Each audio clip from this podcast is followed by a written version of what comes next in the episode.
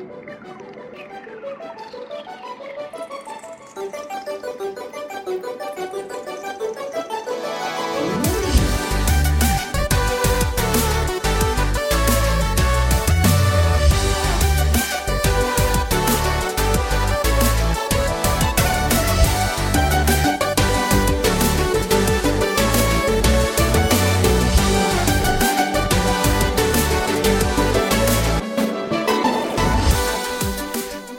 Hei, hei, hei, hei.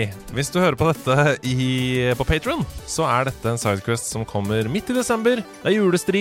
Folk eh, baker pepperkaker. Det er kakelinna er over det ganske land. Eh, hvis du hører på dette for offentligheten, så er det kanskje snart vår, til og med. Nærmer seg, i hvert fall ute midt på vinteren et eller annet sted. Kanskje noen har hoppa et hopprenn eller kost seg i ti blå til å sitte her sammen med meg og prate deilig, lavskuldra TV-spill-pjatt, er Erling Rostorg. Velkommen. Takk. Igjen. Eh, Igjen. Kjempehyggelig. Ja, og det er jo sånn at eh, Sidequest skal ut hver uke, så når noen sender melding og sier Du, vi må lage Sidequest om tema X, Ja. så er jeg ikke vond å be. Nei, det har jeg merka. Da jeg lurte på Jeg inviterte jo meg sjøl på nærlandslaget en gang, Mm, for lenge siden. mm, Eh, da tok det vel ett og et halvt år, ja. og så fikk jeg beskjed om at nå er det din tur. Sidequest to uker. Det er, litt, det er litt annerledes. eh, Det er litt annerledes. Men det er også noe av det som er fint med Sidequest, at det er veldig kort vei fra idé til gjennomføring. Og ikke minst at vi bare Det er lite forberedelser, vi bare slapper av og koser oss. Kanskje med unntak av akkurat i dag. Eh, for i dag har det vært ganske sjuke forberedelser. Vi skal lage to episoder sammen i dag, og den første kom ut av en idé. For um, akkurat nå så har jo God of War, Ragnarok, nettopp kommet. Ja. Og da fikk du en tanke. Fortell litt om, fortell litt om det.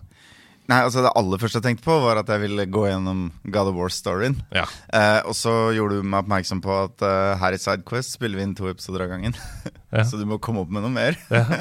og da, da Da er det jo nærliggende da, da har jeg jo, Når du sier det, så har jeg da sittet og spilt Ragnarok litt. Mm. Og kjent litt på eh, smerten eh, av å være en far som gradvis sklir vekk fra sin tenåringsgutt.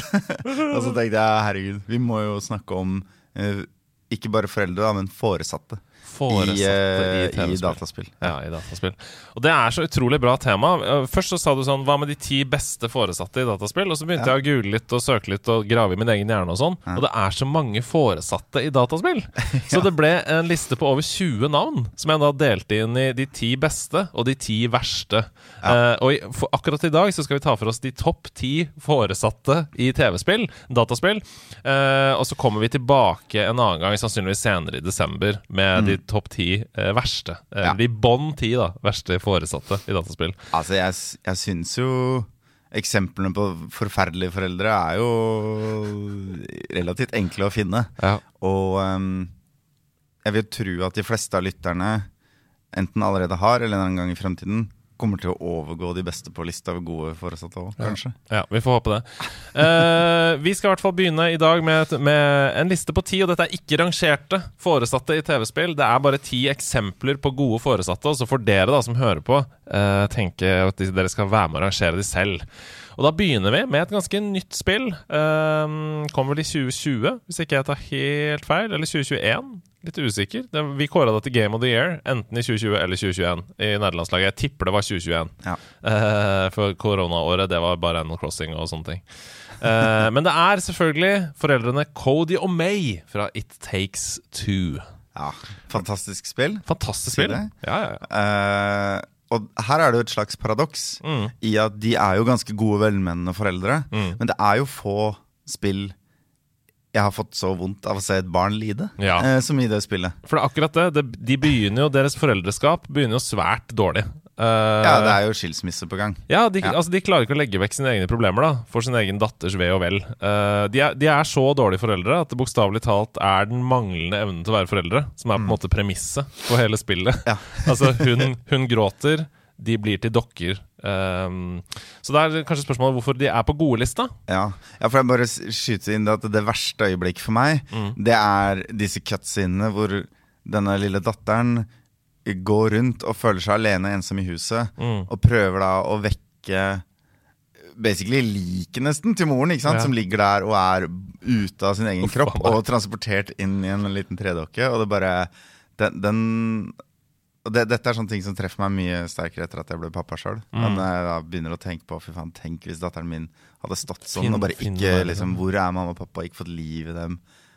Det er, det er vondt, altså. Ja, det er helt forferdelig. Og eh, det gir meg en sånn følelse av at jeg må skynde meg når jeg spiller det. Ja. Ok, vi må, Ja, nå må ja, vi videre her. Ja, ja, helt riktig. Men ja, Ja. eh, Hvorfor er de flinke foreldre? hvorfor er de gode foreldre? Fordi de prøver.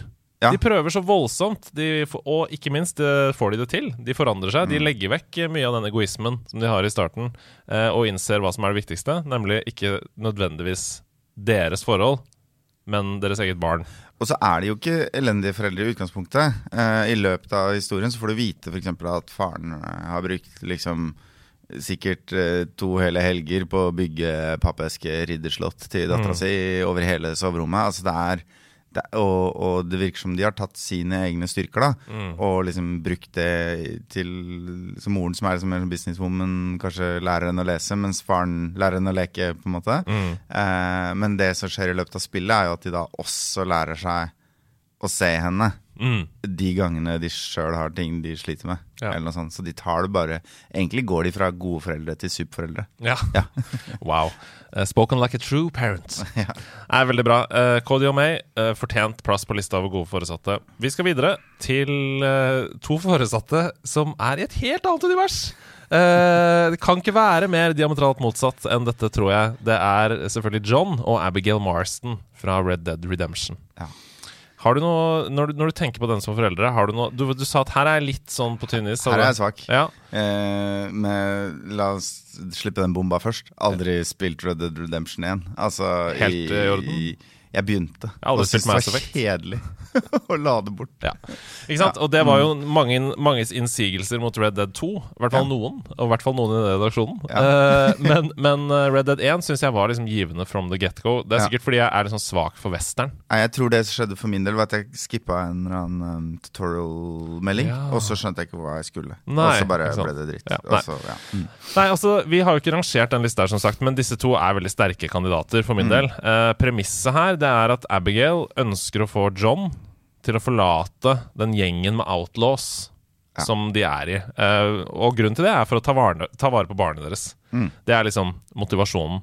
Og hvis du tenker på 1800-tallet i USA, da så tror jeg det var rimelig sånn hard eh, kamel å svelge for eh, både John Marston, men ikke minst for samfunnet rundt. Å ja, du skal forlate gjengen for å ta vare på barnet ditt! Ja, pappaperm eh, på 1800-tallet i USA. ikke Mann, liksom, ikke ja. vanlig kost. Og det er mye verre enn i dag, åpenbart, å ta det valget. Eh, men de klarte det. Eh, kom seg ut, til tross for veldig mye problemer underveis. Og, og hvis du tenker på bakgrunnen deres, da, så gikk de fra å være foreldreløse barn sjøl, som ikke hadde noe annet valg da, enn hun prostituerer seg. mm. han stjeler for å overleve. Og de går fra det til å eie sin egen ranch med en lykkelig sønn. Som etter hvert får en ganske trygg oppvekst uten masse Det er det som er the American dream, Ja. egentlig. Men, eh, ja, og han John Marston er vel ikke heller Han er jo ikke på en måte øverstranka i gjengen sin heller. Nei, nei, Han har masse trøbbel og gjør dumme valg, og, Mm. og er på en måte litt sånn rakka ned på i perioder òg. Så det er jo virkelig å ta fra det utgangspunktet da og get your shit together, er, det er sterkt. Ja, og Og ut, han gjør det ut av kjærlighet til barnet sitt. da absolutt. Og de utforsker noen av de linjene i, i Red Dead 2 også. Mm. Uh, hvor man hele tiden prøver å være en veileder, på en måte. Så, men ja, det er jo nok en gang, da. Er det ikke dette det å være foreldre handler om? Altså, Det handler ikke om å være perfekt hele tiden. Det handler bare om hvor genuint Uh, hardt du prøver da. Dette blir litt dark, men hør, på veien hit Mm. så hørte jeg helt tilfeldig på en, en jusspodkast oh, ja. som handla om barnevern og jussen rundt det. Yeah. Og da var det jo en som nettopp sa det. At uh, barnevernet skal jo ikke gripe inn bare fordi ting ikke er optimalt. Ikke sant? Mm. Uh, folk driter seg ut og takler det og håndterer det og gjør sitt beste hele tiden. Og sånn er det. Mm. Ja. Veldig godt eksempel. Akkurat som med John Marston og Abigail. Riktig. Vi skal videre til det sjukeste wildcardet på lista. Uh, og vi, vi debatterte litt her. Hvordan, hvordan skal vi angripe dette? Ingen av oss har tunga rett i munn når Nei. vi snakker om dette. Men dette er altså Big Boss fra Ja. Metal Gear Solid. Ja. Eh, Big Boss er faren, i gåseøyne, Mm. til Solid Snake, Liquid Snake og Solidus Snake. Eller de er også kloner av ham. Mm. Men i Lauren så omtales de som sønner, i anførselstegn. Ja. Så derfor så har det sklidd inn på lista som, som uh, god far, da. Jo, og så er det jo uh, De er på en måte veldig omforent hvert, Den låren her glemmer Ja. jeg like ofte som jeg husker den, men, men Ja, ja. Det er jo, de er veldig omforent om et felles prosjekt, i hvert fall i starten. Mm. Før det sklir litt ut. Ja, absolutt. Eh, så er spørsmålet om det gjør han til en god eller dårlig far. da Nå, Hvis liksom verdens fremste terrorist er sønnen din, så kan det hende du har svikta på noen områder. Ja. Eh, Samtidig som eh, Altså, ehm, det har jo gått ganske bra med i noen faser. Altså, det, den mest, det som omtales som den mest perfekte klonen, altså den tredje sønnen, eh, ble jo president i USA. ja, ja. Ja, Så noe må han ha gjort riktig òg, da. ja. Jeg er jo en ressurssterk klone. Ja, ja, ja, og det går jo an å bli et rasshøl selv om faren din er kul, liksom. ja, ja, Ja. Mm. Nei, så Jeg tror ikke vi har så mye mer å legge til om Big Boss, annet enn at det er tre suksessrike sønner på hvert, sitt, uh, hvert sin front. Ja, og de, de fleste andre på den lista har jo på en måte bare ansvaret for ett barn. Mm. Men han har faktisk håndtert tre av dem. Ja, alene, alenefar. Mm, mm, alenefar for, tre for tre sønner, Ja. som alle har sitt å stri med. Eh, her er en annen alenefar. og han har så mye kids! Altså, han har så mye kids, og eh, du ønsket å putte han på dårlig-foreldrelista. Ja, egentlig. Og jeg ville argumentere for å putte han tilbake på god-foreldrelista. Og dette er Yoshi. Ja, Yoshi han hører kanskje hjemme begge steder. Ja. Hvorfor syns du han skal være på dårlig-lista? Eh, fordi eh, hvis du tar hva skal jeg si eh, konservativ amerikansk politikkholdningen eh, mm. til, til grunn, og sier at et verst Yoshi-egg er en liten baby-Yoshi som er rett rundt hjørnet for å klekkes, så kass spammer han altså de rundt. Ja. I det vide og brede, da, spesielt i Yoshi's Island og i Ja. Smash, kanskje. Ja, ja, ja. Eh, der de rett og slett er våpen. Og Ja. han knuser vel en sånn gjennomsnittlig eh, 30 egg per brett, eller noe sånt. Ja. Ikke sant? Eh, og det føler jeg er en eh, disregard for, eh, for eh, slektskapet sitt, som er ganske dramatisk. Han drar jo også bare hjemmefra fordi Mario dukker opp. Mm. Uh, det er sant. Ja. I, I Super Mario World 2, altså Yoshi's Island, er det det det heter? Ja, ja, det um, der uh, ser man jo ikke at eggene knuser, så vidt jeg husker. Ja, de bare popper De, bare, ut i ingenting. de forsvinner ut i Ja. ingenting. Så for meg så er det, som jeg skrev til deg på melding, Ja. en hard sånn eh, barn ut av redet-oppvekst. Ja. Nå er det på tide! Kom deg ut i verden! Nå skal du klare deg selv. da Se for deg liksom en eller annen slags Kanskje den samme teknologien som er bak disse rørene da, i Super Ja, Mario. ja. At de liksom bare puffer, og så dukker de opp et eller annet sted. Og så er det Det er som fugler da som faller ut av, og, Ja. om å lære seg å fly for å komme seg opp igjen. Før katta kommer. Og det er veldig få triste Yoshis. Alle kidsene er veldig lykkelige. Godt poeng. De smiler fra øre til øre. Fra øre til øre. Til. Så de har det jo veldig, veldig bra, Ja, ja. eh, alle barna. Men samtidig, Yoshi overlater mat, matingen til Mario i Super Mario World. ja og så ligger de jo De ligger jo rundt omkring. Det ligger sånne baby-Yoshis rundt omkring Ja. som Mario må plukke opp og fòre. Ja. Men så, men så, så, så, veit vi jo det at hvis du eksempel um, Det kan jo være na sånn naturen ha- har ment det. Ja. Uh, fordi um, hvis, hvis du eksempel prøver å hjelpe havskilpadder ute i havet, Ja, så dreper du de. Ja sant? det er sant, ja. Eh, fordi en del av greia er at den strevingen de bruker for å komme seg til havet, er med på å strekke musklene og utvide lungene deres. Så i det øyeblikket du løfter en til vannkanten for å være snill, så Drukner de. Så drukner de, For eller de Ja, de, de, de kollapser etter kort tid, da. Så, så kanskje, kanskje det Mario egentlig driver med når han mater de, Ja, er sånn. er, er en bjørnetjeneste. Ja, jeg tenker omvendt, jeg, at naturen har ment at Mario skal mate dem. Ja, Så Marioer er en del av liksom naturlige habitatet til Yoshier. Ja. Og vil dukke opp og, og dele ut mat med en mellomrom. Mother by proxy. Ja. Ja, det er nydelig. Yoshi, eh, i min bok, plassert som en god far. Nettopp på grunn av lykken. Ja, ja. Ja men jeg, jeg er i ferd med å overtales her nå. Jeg merker det. Vi skal videre til en annen som ikke kan si å ha en lykkelig uh, stedatter. Uh, og dette er um, Dette er vondt å snakke om, men det er altså Joel Miller fra The Last of Us. Uh, mm. Han har jo to døtre i løpet av spillet. Han har det. Han har en biologisk datter. Ja, Som åpenbart er veldig glad i han. Mm. Gir han klokke til bursdag. Ja, Bruker masse tid på å tegne fine bursdagskort og liksom Ja. Du veit, sånne ting. Som er veldig hyggelig, Ja. men som ikke lever så lenge. I, altså, i, i, verken i virkeligheten, hvis du tenker på et langt liv, eh, eller i som vi, vi blir kjent med Nei, Hun rekker å bli 13 eller noe sånt? Ja. Ja. ja, og så rekker hun bare eh, ca. en halvtime kanskje på skjermen Ja. før hun dør da i, i spillet. Eh, så det er ikke noe spoiler. Det må vi Nei, nei, det det er på si. ingen måte en spoiler. Eh, det det, var et sjokk da det skjedde, Ja, det var helt men grusomt, det er mange år siden nå. Men det er også en fyr da som går fra å være iskald, ødelagt mann eh, til å føle igjen. På Ja. et liksom faderlig bånd til sin nye ad adoptivdatter Ellie. Ja, og grunnen til at han i utgangspunktet er følelsesmessig stengt, er jo også fordi slaget av midtste datteren sin var så hardt. Så han er jo i utgangspunktet en veldig kjærlig far som blir traumatisert, men som da klarer å finne tilbake til farsrollen igjen. da Mm. Og i The Last of Us 2 så får han endelig sjanse til å leve ut da det farskapet Ja. som ble liksom stjålet fra han, som du snakker om nå. Eh, og han elsker det i The Last of Us 2. Eh, han tar med seg Ellie ut på turer, Ja. forsøker å gi henne så normalt liv som mulig i alt det som er fucka rundt dem. Tar henne med til det derre eh, romfartsmuseet, Ja. eller teknisk museum, hvor han vet at det er viktig for henne. Ja. uh, og liksom spiller ut den scenen i den raketten hvor hun sitter og får leve seg inn i det. Ja, det er helt, helt fantastisk. Og selvfølgelig, som alle fedre, så havner han jo fullstendig clinch med med stedattera si også, i det øyeblikket hun får disse her eh, standard tenåringstrassene sine og Ja. vil finne seg sjøl og ikke hele tiden blir fortalt hva hun skal gjøre og sånn, men det er på en måte Det er jo bare sånn det er. Ja. Eh, Det er vondt og fælt når det skjer, men det er ikke det samme som at du er en dårlig far. Og etter at det på en måte ikke er noen vei tilbake for han, når han ser på henne som sin datter, liksom, eh, så lar han henne få være sint og bearbeide de tingene hun er sint for, i sin eget tempo og på sine egne premisser. Han prøver ikke å presse henne til å liksom Nå skal vi være far og sønn. Ja. Nei, far og datter, mener jeg. Altså, han lar henne, han holder avstand fra henne. Eh, på et tidspunkt eh, i spillet så ønsker ikke Ellie å ha noe mer med han å gjøre. Ja. Hun sier sånn 'we're done', liksom. Og til og med da så forsikrer han seg om at hun har det bra, forsvarer henne mot zombier, selv om hun ikke vet at han gjør det.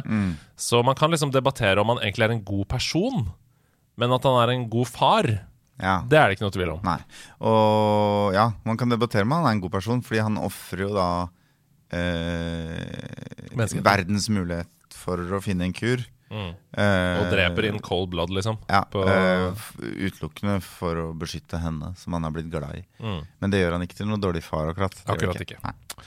Ok, vi går videre til en duo. Eh, fra en solo til en duo, men eh, som også er et eh, stort, episk univers. Og det er selvfølgelig Gerald og Jennifer fra The Witcher. Eh, og dette her er nok en grunn til at vi har sagt foresatte om denne Ja. lista, og ikke foreldre. Fordi noen ganger så er ikke den familien du trenger, de som er i slekt med deg. Nei. Uh, Gerald og Jennifer de er jo fosterforeldrene til Siri. Eh, og de eneste som egentlig har brydd seg om henne oppi alt helvete hun har gått gjennom Hun har jo hatt selvmordsplaner, masse forferdelige ting som har skjedd med Siri opp igjennom. Husker du noe særlig av The Witcher 3 og The Witcher-universet? Jeg har nesten ikke spilt det, eh, dessverre. Uh, jeg har sett TV-serien, men der Ja. er jo ting litt annerledes. Ja. har jeg skjønt.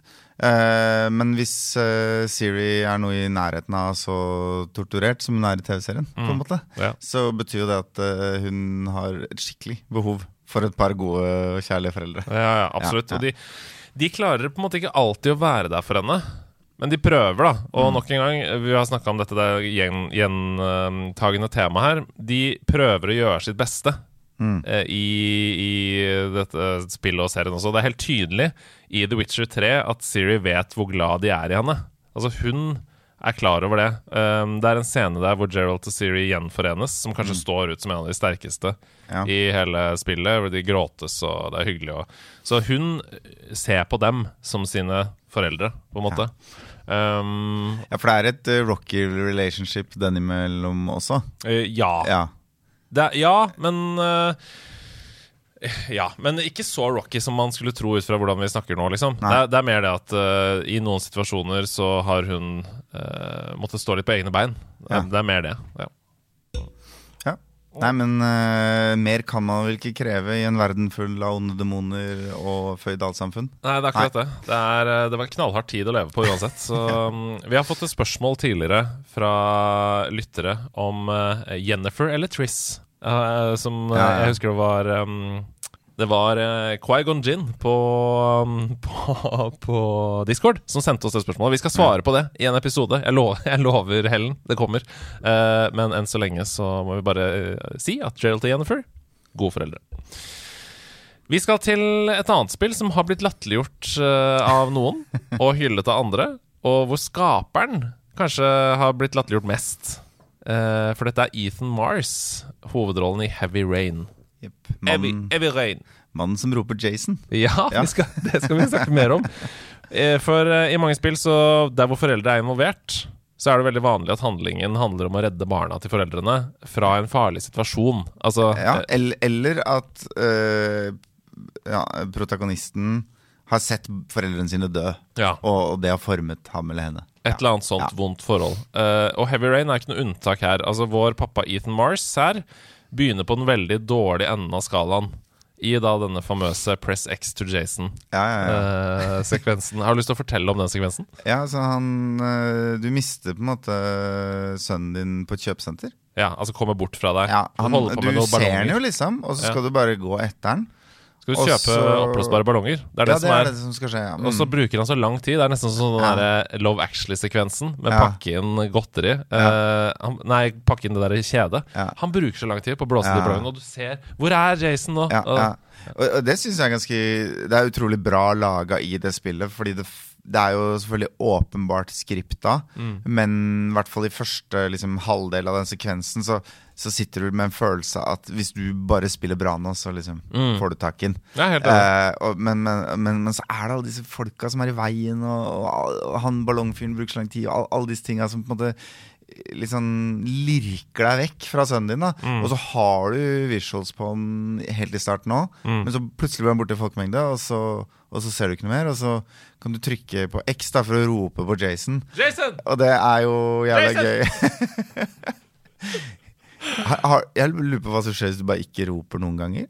Ja, jeg tror eh, Altså, jeg så en sånn Videogame Donkey-video Ja. hvor han bare ikke gjorde noen ting Ja. av det spillet vil at du skal gjøre, og da snubler du i alt, og du tryner i alt, Ja, og det skjer ja. ingenting, liksom, gjennom kjøpesenteret. Men du kommer deg fram, da, Ja. likevel. Ja, du bare virker som en ganske Ja. sånn uinteressert, klumsete far. Veldig, og bare sånn Oi, nei, der var det. Oi, der var det. For greia her er jo at uh, sønnen din blir kidnappa av The Origami Killer. er det Ja, jo, men nå foregriper du. For Ja. det som skjer, er at Jason uh, kommer seg unna, og det er veldig sånn klaustrofobisk følelse. Fordi Ja. jeg kjenner på det der selv. Jeg, jeg forsvant som kid i Dyrebakken i Kristiansand. Ja. Og jeg kjenner på den følelsen av sånn Hvor er pappa nå? Og hvor er sønnen min nå? Liksom sånn. ja, du har sikkert stått et eller annet sted i en sånn sted à la Dyreparken, Mm. og så plutselig så kjenner du noe som drar i buksa di, og så er det en liten kid som er litt omfraværende, som tror det er buksa til pappa, Ja. Og det sjokket i øynene deres når Ja. de ser opp på deg og ser at du ikke er faren deres. Og så bare Ja. Hvor? ja, hvor? Og det er den følelsen som er sånn her Å nei, jeg må få tak i han. Og så ender jo dette med at Jason greier å løpe ut av kjøpesenteret, Ja. løpe ut på gata, bli påkjørt Ja, det er det. og dør. Så Jason dør i den sekvensen, og det er jo på en måte hele premisset for hele spillet. Dette er jo prologen. Eh, og Ethans andre sønn, Sean, Sånn blir så kidnappet av The Origami Killer. Eh, og da gjør jo selvfølgelig Ethan absolutt alt i sin makt for at dette ikke skal skje igjen. Ja, for det, dette er et traume Ja. ved å ha sviktet sin første sønn, som Mm. virkelig motiverer han til å, å gjøre en bedre jobb på forsøk nummer to. Ja, fordi dette er litt sånn så-aktig historie. Hele Ja. premisset i spillet er at The Origami Killer forsøker å finne en far som var bedre enn hans egen. Mm. Ikke sant? En, en far som ønsker å ofre mer enn det hans egen far gjorde. Ja. Så derfor så må Ethan gjennom helt sånn sjuk mengde med sånn sadistiske utfordringer. Det er det, er det verste, Ja. kanskje. ja, det er det som har innprenta seg på ja. netthinnen min, i hvert fall. Og det, og det må han for å bevise at han er villig til å gjøre hva som helst da, for å redde sin egen sønn. Og det er han jo. Han er villig til å gjøre hva som helst for å redde han. Så derfor så har han fått en plass på gode foreldrelista. Selv Ja. om han kom bort fra sin sønn. Men det kan jo skje, liksom. Han er en god far for sin andre sønn. Ja. ja. Men han ville jo bare kjøpe ballong! ja, ja, ja, ja. Jo, jo, ikke sant? Og det er, dette er jo forskjellen på gode intensjoner og, og faktisk lykkes eller være flink, på en måte. ja. Vi skal ned i horrorland. Uh, to horrorfedre på rappen. og den første er jo en annen som også ønsker å gjøre alt for sin egen, eh, sitt eget avkom. Uh, sin egen datter Rose, i dette tilfellet. Nemlig Ethan Winters fra Resident Evil Village. Eller da Resident Evil 8, om du vil. Eh, Ja. Gjorde sånn fancy grafikk i, i ordet der. At VILL ble da 8. Ja. Ja, ja, ja. Det er fortsatt et hakk opp fra F3-er. Eh, som eh, kanskje er et slags bunnpunkt i eksperimentering med tall og, og titler. Ja, det er et veldig godt uh, poeng. Eh, har du spilt noen Resident Evil-spill i det hele tatt? Bare i, i små, korte uh, greier. Altså, jeg, jeg er veldig feig på skrekkspill. Det er jeg også. Jeg syns det er mye verre enn skrekkfilm, fordi Mye du har verre? ansvaret for uh, også, Jeg kan se på andre spille skrekkspill uten Ja. problemer. Ja, samme her. Men i det øyeblikket kontrolleren er i hendene mine, og jeg får ansvaret for livet til den personen, så er det, det er altfor mye på spill. Jeg, jeg, får helt, uh, jeg, jeg er så lett å jumpscare. Ja. Uh, så jeg har noen traumer fra Resident Evil 2, er det vel? Mm. Hvor det noe hvor, de, hvor det er noen jævlig smarte grep for å bare skape nervøsitet hos deg. Mm. Eh, og da snakker vi også om at eh, jeg eide ikke spillet, men jeg satt eh, hos en kompis eh, og, og spilte det over Ja. skulderen hans. Altså, liksom, ja. Det var egentlig samme her. Eh, I Resident Evil 8 det har jeg sett veldig mye på Let's Play på YouTube. Jeg har aldri spilt det selv, nettopp av samme feige grunn. Men jeg har sett på folk spille det på Let's Play. Og jeg prøvde å oppsummere kjapt da jeg holdt på med manuset her. Ja. Eh, Ethan Winters blir most. Han blir skutt. Han blir spidda, så blir han skutt en gang til. Ja. Så blir han hengt opp på en krok. Ja. Så får han fingrene kutta av, armene kutta av, beina kutta av. Før han så blir skutt en gang til. Men likevel så nekter han da å gi seg i jakten på å finne tilbake til sin datter. Ja, for det er det egentlig spillet handler om, ikke? Jo. Eller, ja. mm. Det er det. Eh, som mange skrekkspill så er det jo jakten på noe som er forsvunnet av uforklarlige grunner. Eh, Og her er det da datteren Rose. Eh, så han, eh, altså der hvor andre er villige til å på en måte gå gjennom eh, psykologiske traumer for å komme seg for sin egen datter, f.eks. i eh, Vi snakker om It Takes Two. ikke sant? De må Ja. forsones og sånne ting, og det er mye sårt og vondt. Så er jo dette faktisk fysisk smerte som han må gjennom for Ja. å finne ja, bokstavelig talt bitene av sin egen datter.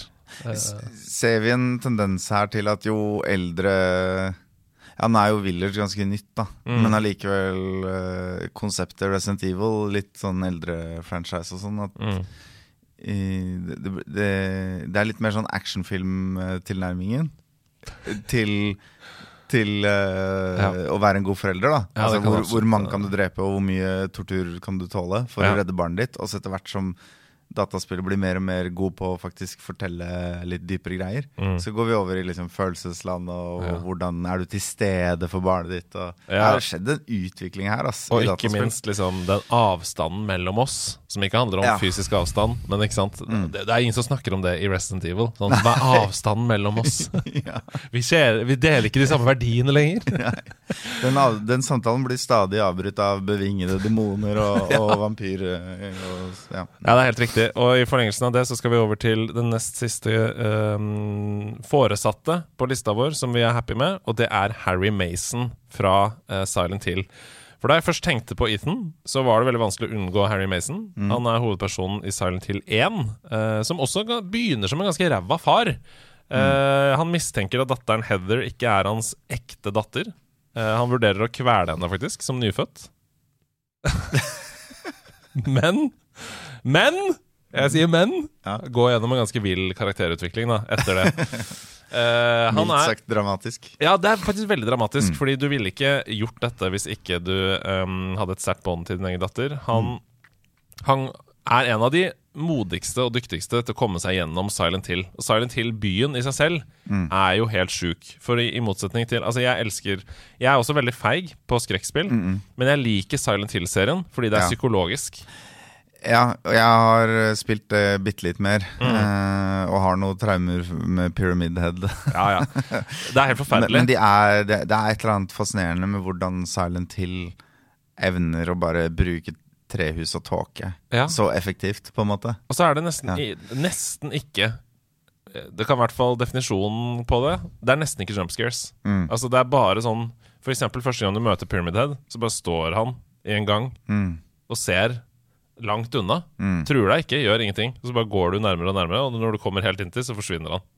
Ikke sant? Så det Ja. er sånn Det er ikke sånn det Nei, det er, egentlig så er det frykten for jump scares som Ja. er det skumle Det er i, nettopp i Det er det, det. spillet. Ja. Er det det? Men jo, uh, så, så Silent Hill, hele premisset for Silent Hill-byen er at den får fram det verste i alle som besøker den. Mm. Altså, du skal granske din egen syke, på en måte. Ja. og det gjør Altså, Harry går ned her ene og alene for datteren sin. Han sier i spillet at han elsker henne over alt annet. Det Mm. er derfor han går gjennom dette.